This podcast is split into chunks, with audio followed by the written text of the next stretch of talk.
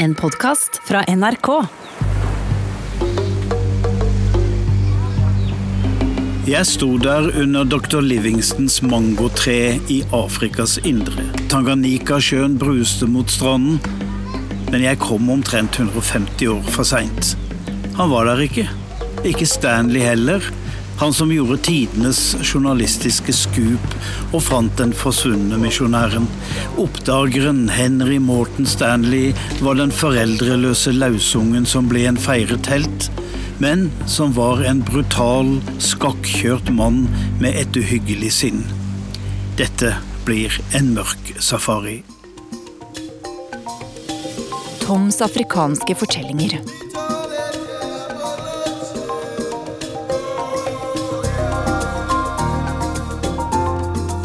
Jeg heter Tom Kristiansen og har for NRK reist Afrika på kryss og tvers i 30 år. Der har jeg møtt visjonære, nyskapende politikere, men også restene av dem som på 1800-tallet ville overta hele kontinentet. Det er en slik historie jeg skal fortelle.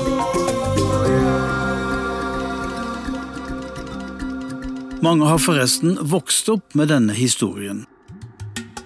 Dr. David Livingston var blitt borte i Afrika, og journalist Stanley dro for å finne ham, og fant ham. Hvordan var det mulig? Jeg bestemte meg for å ta turen selv. Jeg ville gå opp ruta og se hvordan det var.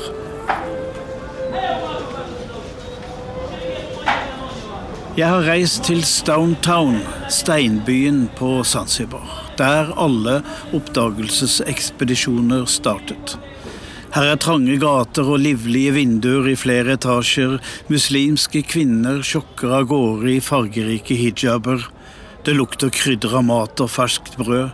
Fisk og kjøtt stekes over enkle griller og serveres uten tallerkener, men med sterkt tilbehør. Ingen alkohol her, men sukkerrør presset for sitt søte innhold.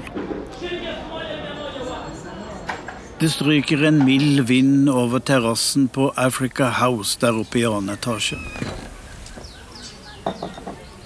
Her er kalde øl, og det er dover på sjøen, disse katamaranlignende båtene med trekanta seil.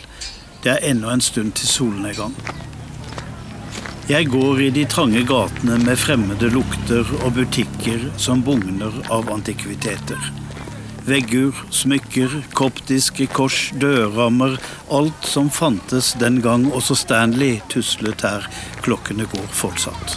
Safran, koriander og kortreist pepper. Slavemarkedet lå øst for sentrum. Stakkarene ble drevet til kysten fra innlandet, så ble de sortert og solgt her. Arabiske handelsmenn hadde folk som samlet slaver i Afrikas indre og drev dem mot kysten. De bar hver sin støttann på nakken, og når de kom fram, kunne araberne selge både børa og bæreren.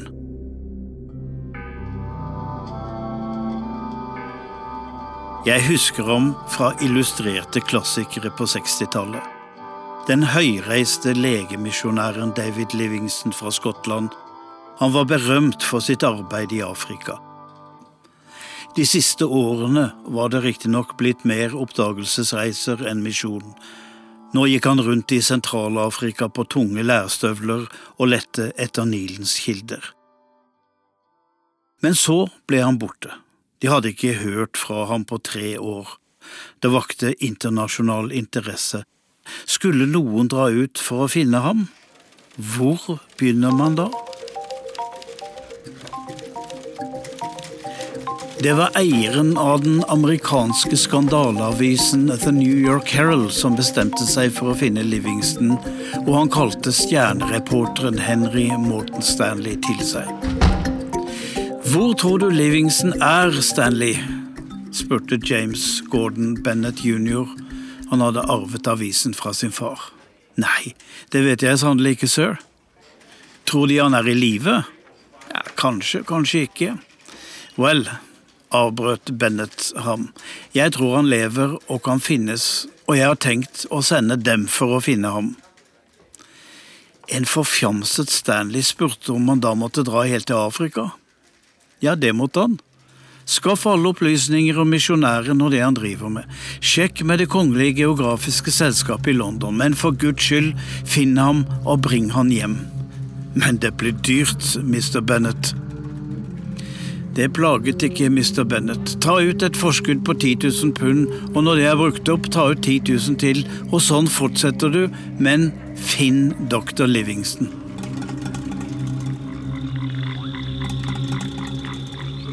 Mens Stanley seilte over Det indiske hav, sto dr. Livingston blant menneskeetere i en landsby og prutet på en kano. Han skulle krysse Lualaba-elva, som han trodde kunne være Nilens kilde.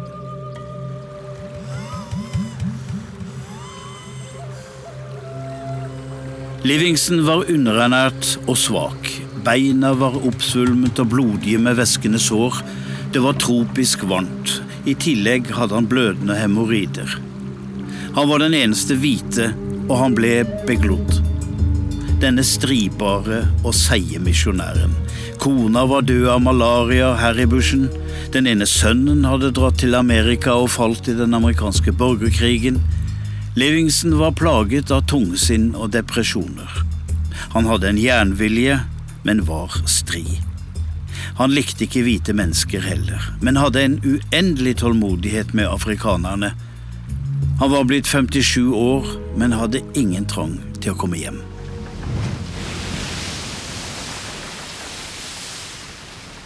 Stanley var halvparten av Livingstons alder. Han kom opprinnelig fra Wales, sønn av ei hore i Denbig.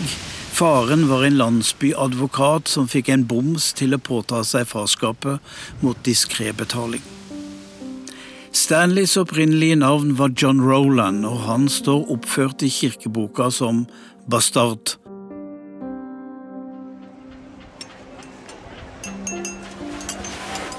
Jeg har funnet meg en stol og et bord med en kopp te på terrassen til Tembo House. Det er et hotell full av historie, med antikvariske senger, stoler og vegger. Pendlene svinger i alle gjesterom, og de slår nesten på likt. Salongen ut mot havna har glassmalerier, og de ansatte er som hentet fra Tusen og en natt. Men jeg tenker på noe annet. Det var her i dette fine huset at den amerikanske generalkonsulen bodde, og det var hos ham Stanley tok inn da han kom til Zanzibar. Jeg sover kanskje i hans seng. Det var bare den amerikanske konsulen som skulle få vite hans oppdrag. Dette skal bli den største ekspedisjon denne byen har sett, og Stanley stabler sitt lager inne i konsulatets bakgård, der jeg nå har leid et rom.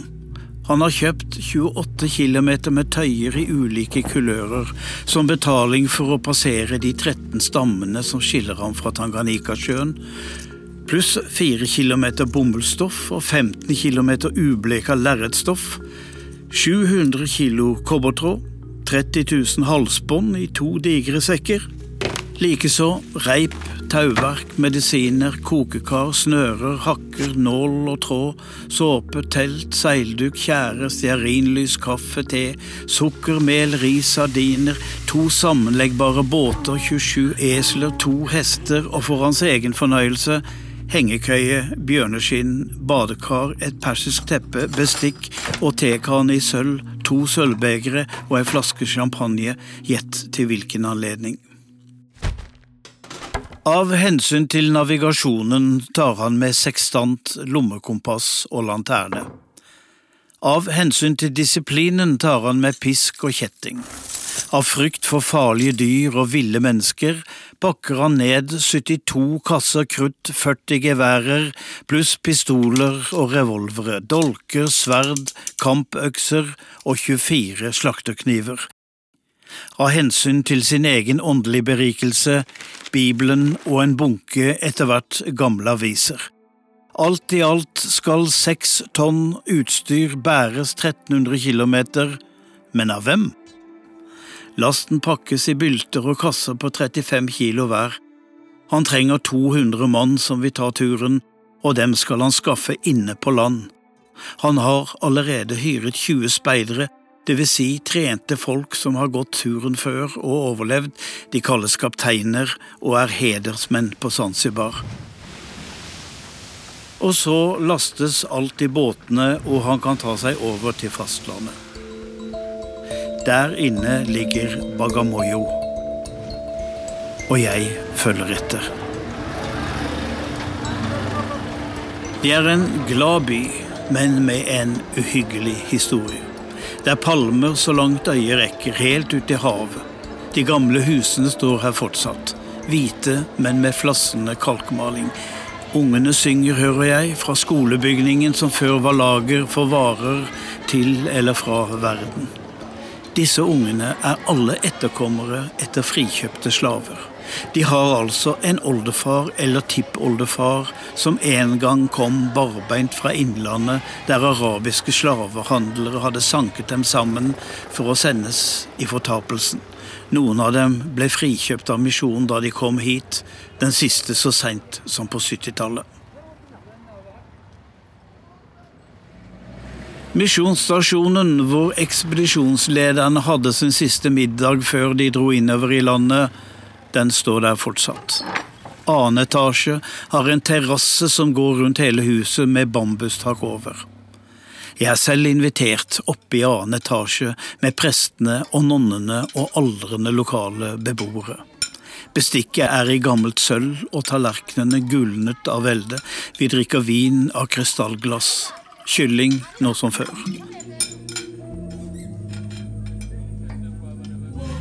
Stanley satt ved dette bordet i 1871. De andre fortalte historier om da de store britiske oppdagerne forlot Bagamoyo. Samuel Baker, John Speake, Richard Burton og Livingston. Ja, det ble mye snakk om doktoren. Men hvem var den arabiske yndlingen som satt nederst ved bordet, og som Stanley hadde brakt? Slank og vakker av 15 år. Det var en tenåring Stanley hadde fisket opp på en mellomlanding på Seychellene. Han var opprinnelig fra Jerusalem og skulle være oversetter og tjener, og kanskje selskapsgutt. Slavehuset står her fortsatt, men ingen bor i cellene der slavene ble stuet sammen. Utpå kvelden serveres det te. Den er sterkt krydret, det er lys på bordene og fakler i hjørnene. På kveldene den gang satt forretningsfolkene her med vannpiper rundt bålet. Så løsnet de noen nakne kvinner som kunne danse for dem. De hadde en ufattelig tristhet i sin dans. Øynene hadde sluknet, livsviljen var fortært, noen la seg bare ned og døde. De var ikke mennesker lenger. Det visste forresten slavehandlerne allerede, Stanley også. Han kalte negrene for barbarer, mulattene for vannskapninger. Slavene som var hentet fra innlandet, skulle eksporteres. De fikk bind for øynene og seilt ut til Zanzibar. De hadde aldri sett havet. Langt fra land ble bindet tatt av. De ante ikke hvor de var. Verden var blitt borte. De var skrekkslagne. Stanley hadde satt opp et stort telt midt i byen. Han hadde brukt noen uker på å finne 192 bærere. De hadde avtalt lønna og var klare. Avreisen ble markert med fanfarer og spill. Hele byen var på beina. Kapteinene skjøt i lufta og dro innover pulje for pulje, Stanley til hest sist i følge med det amerikanske flagget høyt hevet. Alle bærerne hadde fått hver sine bylter. Taperne var vel de to som skulle bakse Stanleys badekar herfra til Innlandet, 1300 km borte.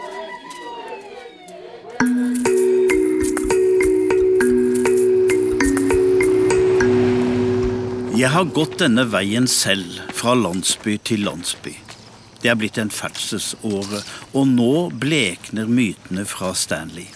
Han skrev dramatiske brev, dagbøker og reportasjer om det mørke og farlige Afrika. Jeg har sett for meg tett og farlig jungel, fiendtlige og aggressive afrikanere. Men her er veien kranset av gule mimosatrær, og kvinner står i veikanten for å selge tomater, mais, kokte egg og en cola. Høner løper over veien, unger strømmer til. Vi går under skyggefulle trær nå. Det hjelper i heten. Det var altså her slavene kom ned fra innlandet, 80 000 hvert år. Og nå skjønner jeg plutselig hvordan Stanley kunne finne veien til Livingston. Det var jo bare å følge stien den andre veien til endestasjonen Ujiji ved Tanganyika-sjøen, for der bodde misjonæren. Eneste spenningsmoment var om Livingston var hjemme. Jeg syns jeg ser prestene og de andre da den støyende ekspedisjonen dro. Livingston hadde jo bare reist med noen få mann, men de må ha undret seg. Hvorfor dro han innover akkurat nå, visste han ikke at regntida kunne komme når som helst? Varme byger som aldri tar slutt. Du kan nesten ikke se. Den røde jorda blir til dyp gjørme, landskapet en sump. Stien forsvinner, bekker blir til elver, og alt er vått. Seks tonn, 200 mann som strever. Bærerne klager og stønner, noen gråter over hjem. Han har ikke hørt på råd fra kjentfolk om at hester ikke har noe i Afrikas innland å gjøre. Den ene døde, og deretter den andre. Skulle Stanley gå hele veien til Ojiji? Han satset på at eslene holdt. Stanley har tatt med kinin mot malaria, men tar den ikke. Det smaker bittert. Nå går de i fuktige områder hvor myggen stikker og suger og sprer sin malaria. Stanley skryter av at han lar fluene bite, men vet han ikke at dette er malariamygg, og dertil setter seg fluer som gir sovesyke? Nei, han vet ikke det heller. Fattiggutten fra Wales leder nå verdens største ekspedisjon, og han kjenner bare én måte å drive sine folk med ståldisiplin, og etter hvert mumler bærerne seg imellom et økenavn på den svarthårede, kortvokste despoten, Bulamatari, steinknuseren. Han sparer ikke seg selv og andre. De vasser seg gjennom Afrika med våt bomull og glassperler og kobbertråd og proviant på hodet. De blir syke, men får ikke medisiner, bare disiplin. Er det nå galskapen begynner? Stanley tar fram pisken. Kokken er tatt for å ha stjålet mat og skal ydmykes foran de andre, så de vet hva de har i vente. Han har delt ekspedisjonen i fire tropper. En av avdelingene ligger nede med gamle og nye tropesykdommer, men Stanley pisker dem videre. Noen ber om nåde og ber om å få slippe. De vil heller dø i veikanten eller bli med i en møtende karavane som skal til kysten. Men det er ingen bønn. Så blir han syk selv, og da stanser hele ekspedisjonen. Stanley må hvile, og Selim, gutten fra Jerusalem, steller hans sår og tørker opp etter mesterens spykuler, tørker hans febersvette og slukker hans tørst. Sjefen har fått malaria og dysenteri samtidig. Så dør ni av ti esler, flere bærere har fått elefantsyke med oppsvulmede bein. Stanley har medisiner, men deler dem ikke med noen. Og mannskapet dør. Bærere som ikke holder ut, blir satt av i veien for å dø, eller blir plukket opp av noen.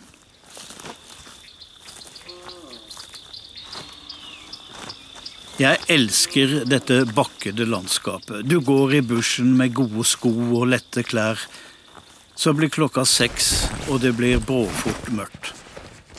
Ei bøtte vann over hodet, en vask, og så en gin tonic mens sola blir oransje og forsvinner. Så sitter vi ved bålet. Men Stanley gjorde ikke det. Han trakk seg tilbake og spiste ikke sammen med verken bærere eller kapteiner. Det ville vært upassende. Han satt alene i sitt telt og fikk seg en stekt kylling. Så tente han oljelampa og leste Bibelen.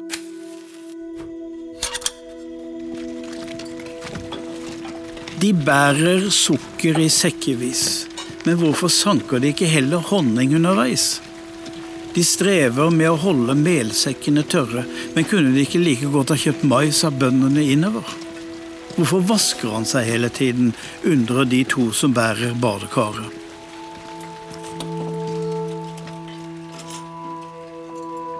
Jeg har lest hans dagbøker, reportasjer og bøker.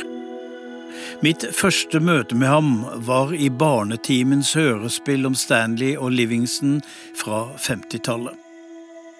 Jeg har rotet i NRKs arkiv og funnet de gamle båndene.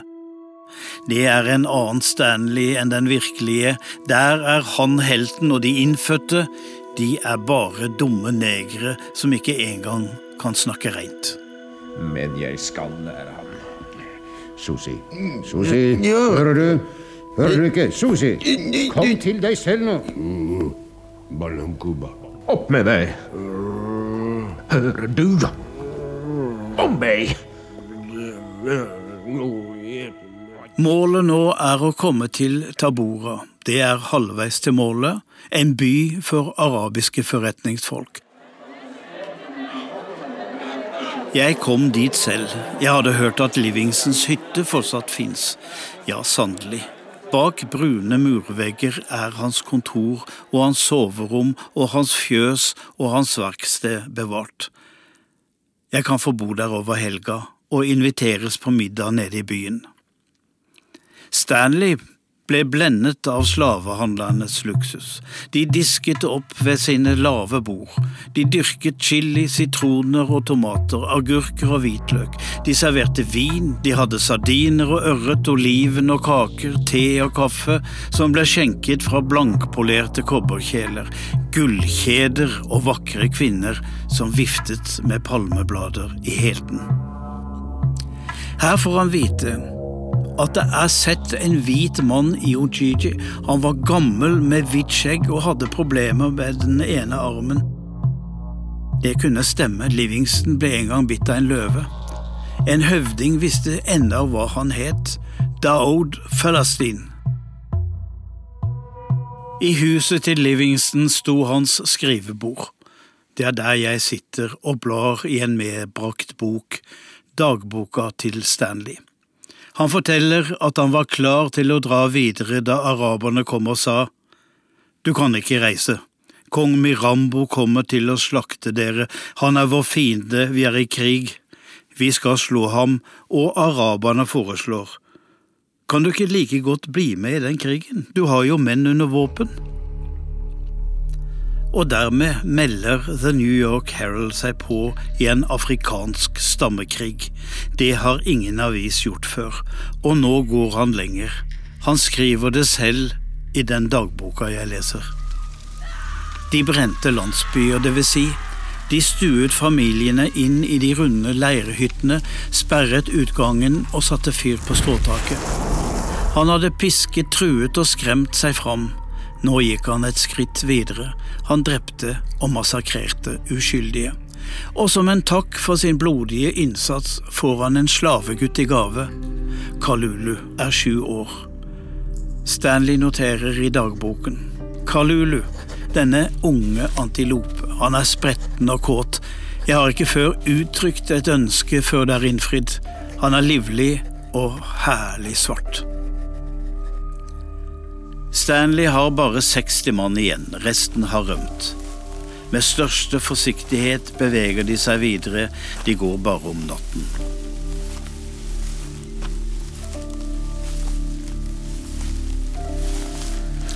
Jeg har ikke tenkt å gå til Tanganyikasjøen, jeg tar toget.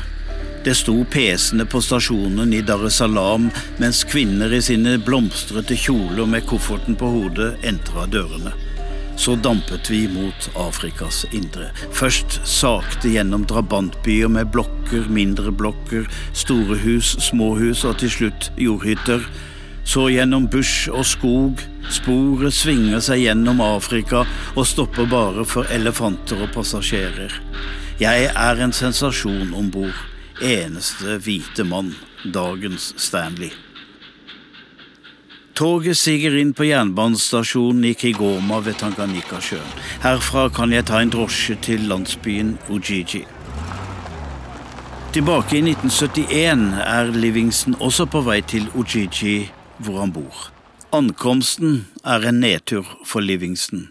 Han kan knapt gå, støvlene har gått i oppløsning, han er syk og avmagret. Når han kommer fram, er huset tomt, alle forsyningene han hadde ventet på er borte. Den mannen som skulle passe på, har solgt alt Livingston skulle leve av, han trodde doktoren var død siden det tok så lang tid.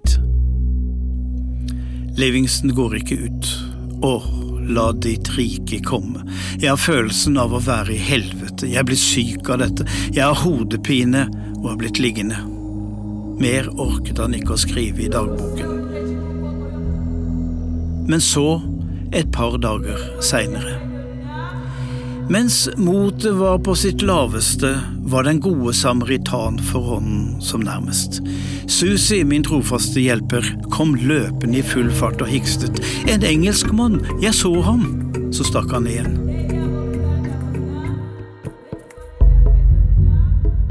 Stanley står oppe på en høyde og kan se ned til Ujiji og Tanganyikasjøen. Han er oppspilt. Han ber til en fjern gud om at Livingston må være hjemme. Han ville ikke ankomme som en skitten vandrer fra bushen. Kalulu og Selim har pusset hans støvler og har lagt fram rent tøy. Hvit flanellsuniform, tropehjelm, vide bukser og en lang jakke med belte. Småguttene hans går på hver side.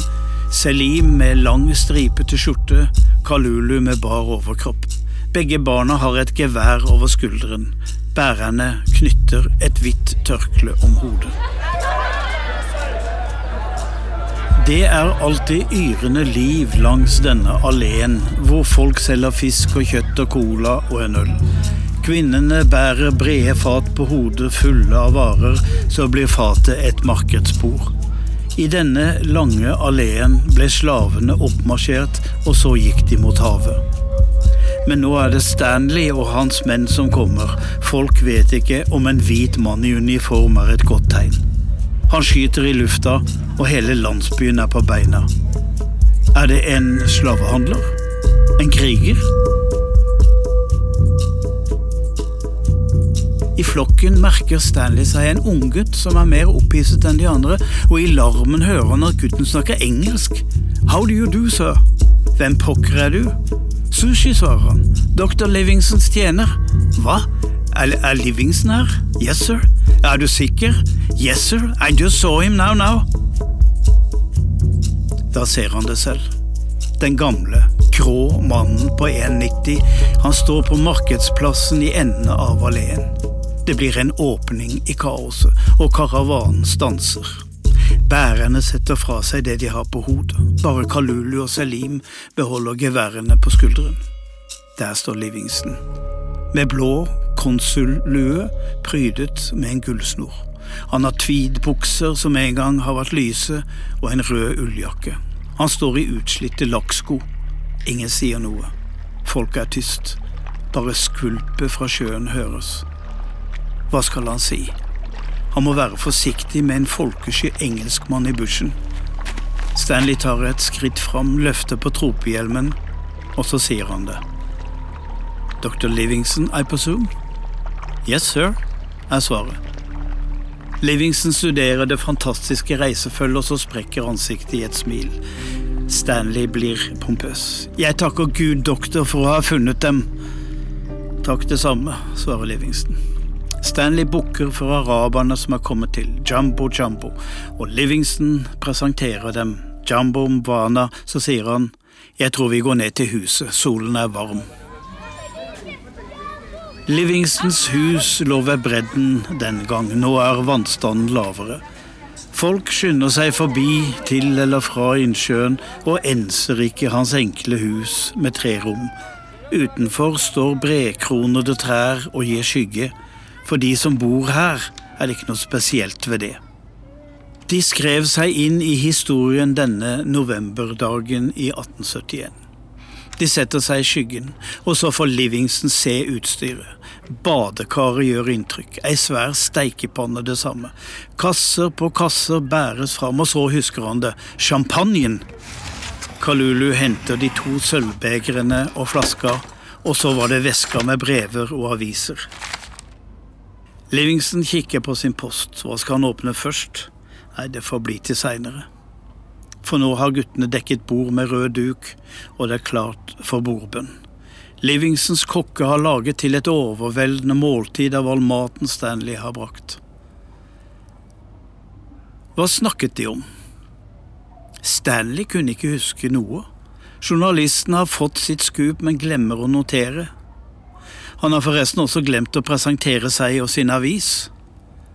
The New York Herald det er da ei møkkaavis, sier Livingston, og Stanley sier ingenting. Hva har hendt i verden? spør misjonæren. Han har ikke hørt nytt på tusen dager. Jo, Suezkanalen er åpnet, Stanley var der selv. Jernbanen over den amerikanske prærien er kommet fram til Stillehavet. Og den transatlantiske telefonkabel er åpnet. I flere dager spiste de store måltider, og Livingston ble bedre. Han spør om ikke Stanley kan bli med på en båttur. De setter seg om bord og blir rodd oppover sjøen av menn fra landsbyen. Livingston leter etter Nilens kilder, men finner den ikke i dag heller. Hva tenker egentlig Stanley på? Han har et skup og bør komme seg raskest mulig til kysten, men han tar seg tid tre måneder, og vennskapet mellom disse to vokser. Livingston savner en sønn som døde i den amerikanske borgerkrigen. Stanley har aldri hatt en far, og her sitter de med 20 års aldersforskjell, Det er far og sønn. Og så kommer tiden for oppbrudd. Livingston kan ikke gi slipp på ham og følger karavanen halvveis til kysten. De skal aldri mer møtes. Jeg dro selv til Ojiji for å se stedet, og bodde enkelt på et rent laken i et gjestehus. Utenfor holder et pokerlag til, så jeg blir invitert med.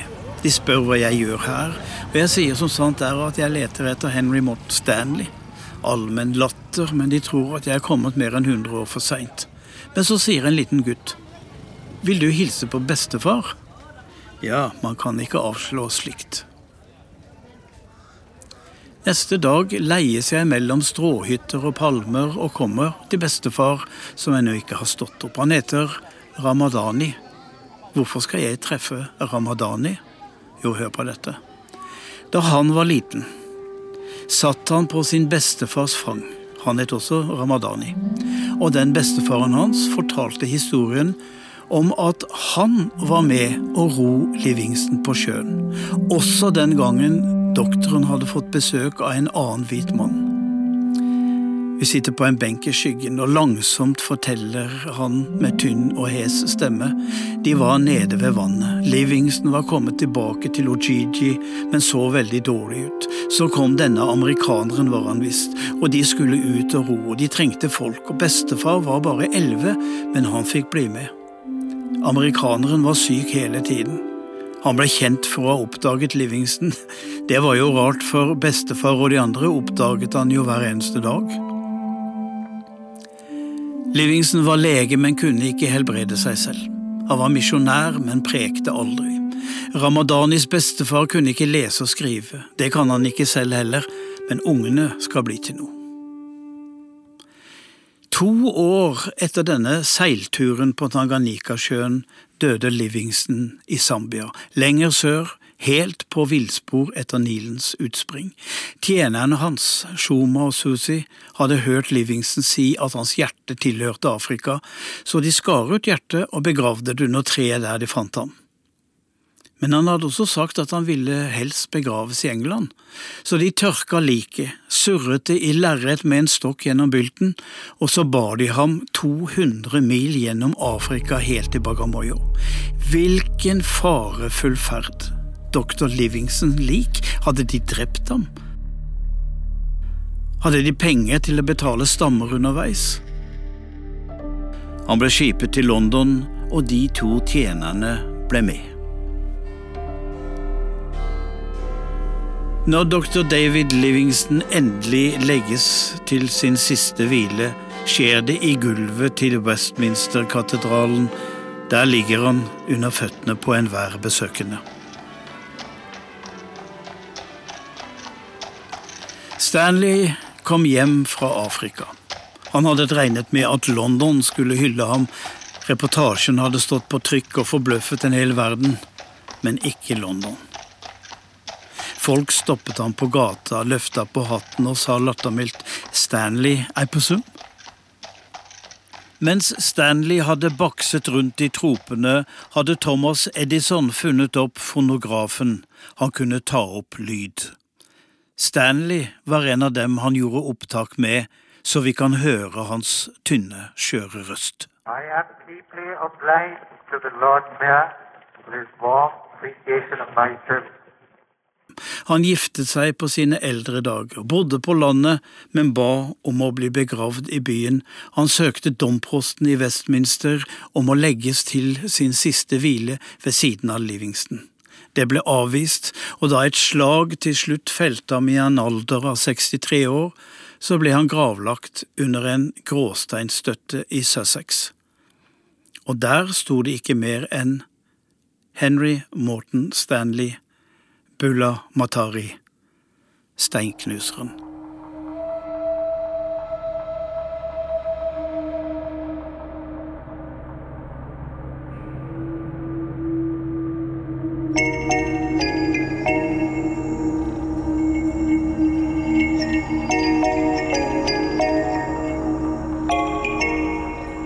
Afrikanske fortellinger. Hele serien av Toms afrikanske fortellinger den finner du i appen NRK Radio. Eller der du ellers finner dine podkaster. Toms afrikanske fortellinger. Klipp og lyddesign var ved Hilde Rolfsnes, og Marius Christiansen har laget musikken.